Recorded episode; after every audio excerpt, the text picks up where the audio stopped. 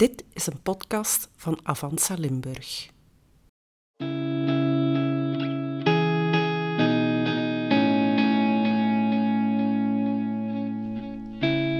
Genk woont. Een podcast over wonen en leven in Genk. Jij en ik hebben een woning die we thuis noemen. Een huis van waaruit jij en ik naar ons werk gaan of naar onze hobby's. En van waaruit de kinderen naar school vertrekken. Een huis waar we s'avonds veilig samen thuiskomen. Maar helaas is dat voor heel wat mensen niet zo. Er is een tekort aan betaalbare woningen.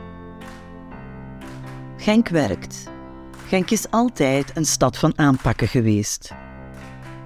Ik ben Ina en ik ben gaan praten met mensen uit Genk die bijdragen aan oplossingen voor betaalbaar wonen. Genk Woont is een podcast met een woonkompas. Je moet ook met Tim van Brabant praten, zei Heidi Louis van de Sfeer.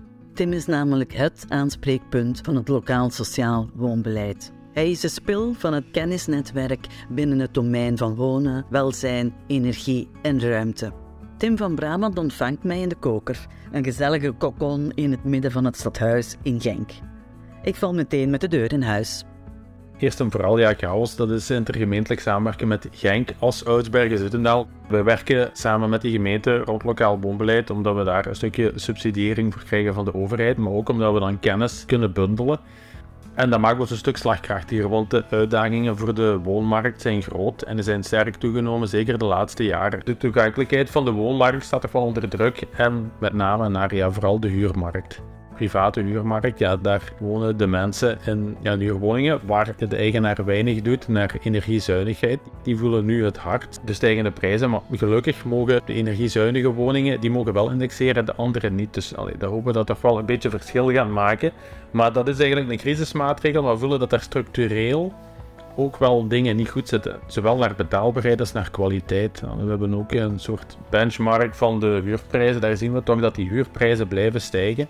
Voor een één inkomensgezin een gemiddelde huur van 800, 850 euro voor een twee slaapkamer appartement. is wel stevig, ja, 50 euro kosten daarbij. Komt er nog de energieluik bij, dan voelt je wel dat mensen in de huurmarkt het wel moeilijk hebben.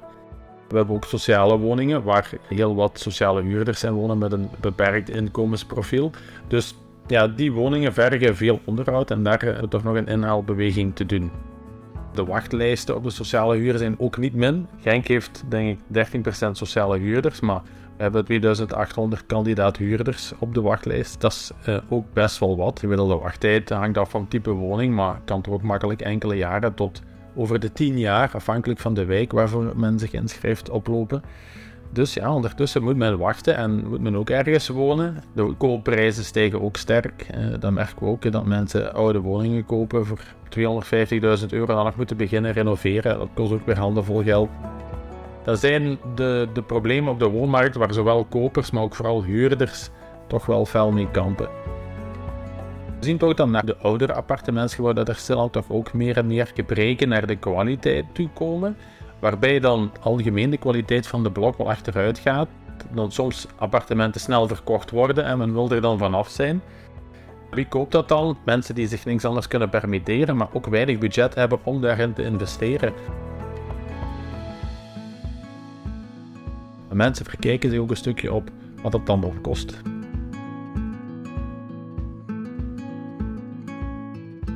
Wonen zit op heel veel verschillende thema's. Je hebt het aspect ruimte, waar gaan we wonen? Je hebt het aspect energie. Energie heb je nodig om een woning te bouwen en ze te verwarmen. Je hebt de zorg, het welzijn, de betaalbaarheid. Dus al die factoren zorgen ervoor dat wij vanuit de dienst wonen op heel wat aspecten moeten inzetten. En wij van nature uit proberen wel zo over die domeinen heen te kijken en naar oplossingen te zoeken, maar dat is niet zo evident.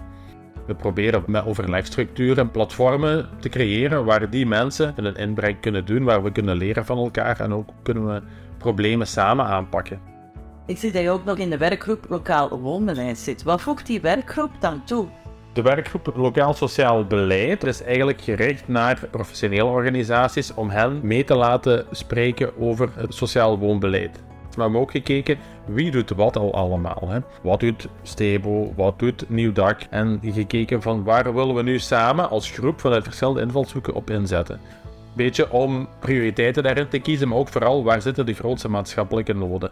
En daar hebben we vooral gezien dat naar begeleiding bij wonen, het welzijn, de leefbaarheid, dat we daar toch wel dingen zien die niet goed zijn en waar we toch eh, op willen inzetten.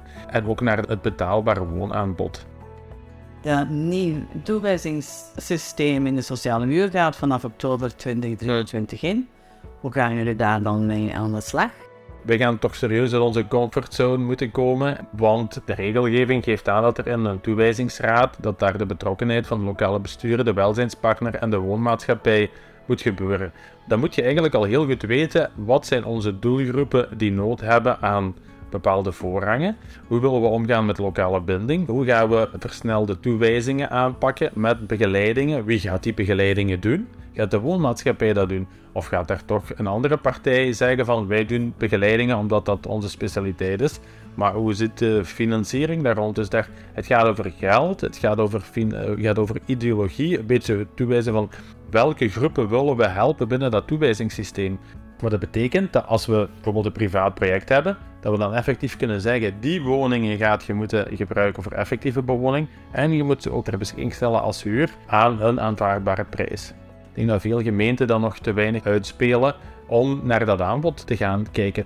Want je vergunt iets, die woning, je geeft eigenlijk toestemming aan iemand om daar geld mee te verdienen, want die bouwt dan, die gaat dan met een winstmarge verkopen. Maar jij kunt zeggen, ja goed, dit is wel ruimte, ruimte is schaars, doe er ook iets mee wat ook enige maatschappelijke relevantie heeft. Zijn er nu in, in denk van die collectieve benaderingen die een oplossing zou kunnen zijn voor gemengde woonprojecten?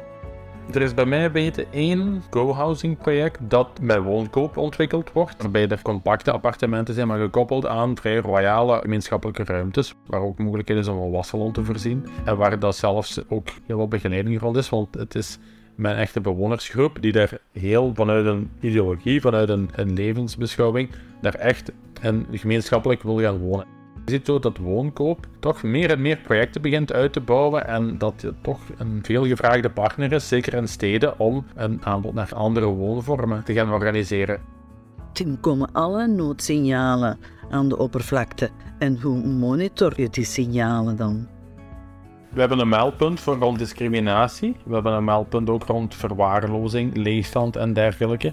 Leegstand is van, het is maatschappelijk gebied ook uw plicht om iets met dat vastgoed te doen. Zomaar laten leegstaan terwijl er zoveel mensen op de wachtlijst staan bij de sociale huur, kun je ook niet rijmen.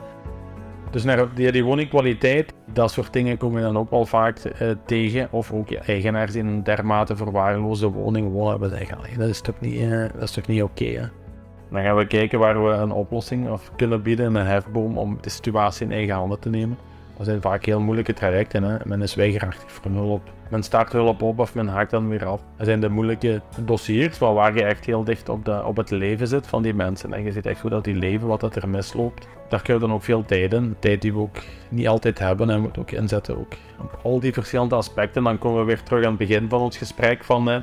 je hebt het eh, welzijn, je hebt de betaalbaarheid, je hebt de ruimte, je hebt de energie. Dat creëert allemaal een context die inhaakt op elkaar. Hè? Doordat men een psychische problematiek heeft, gaan we een bepaald gedrag vertonen, de woning niet meer verwarmen, de kwaliteit gaat achteruit. Ja, dan gaan de energieprijzen nog eens omhoog, dan verwarmen dan helemaal niks meer. Uh, komen er vochtproblemen, komen er weer daardoor weer gezondheidsproblemen. Uh, de woning verkopen gaat want er is zoveel werk aan dat je er geen geld voor krijgt en is huur en is veel te duur. Men woont afgelegen, en waardoor men met een auto nog altijd naar de winkel moet gaan. Die auto is slecht onderhouden. Men heeft er een ongeval mee, want men heeft zo lang niet meer voor een aandoening naar de dokter geweest. Kijk, dus zo al die dingen rond de woning hangen. Eh, je moet met gedrag aan de slag, met mensen die een hele geschiedenis hebben.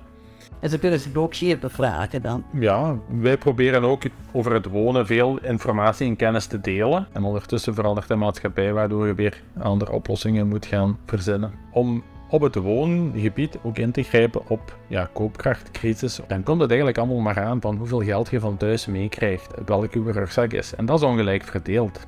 Hier wonen veel migranten, die hebben generaties nog niks opgebouwd. Ja, je hebt geen eigendom wat je opbouwt, die verwerven geen bouwgrond, wat ze kunnen doorgeven aan hun kinderen. Dus vermogen is ongelijk verdeeld en als vermogen belangrijker wordt om een huis te kopen, dan staat de Genkenaar er niet zo goed voor.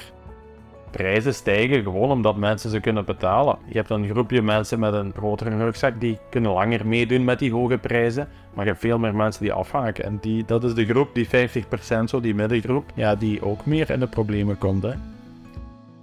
Tim, dank u. Dank u wel.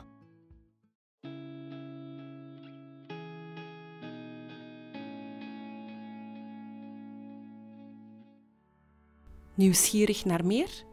Beluister dan ook onze andere maatschappelijk relevante podcasts via avansalimburg.be of jouw favoriete podcastkanaal.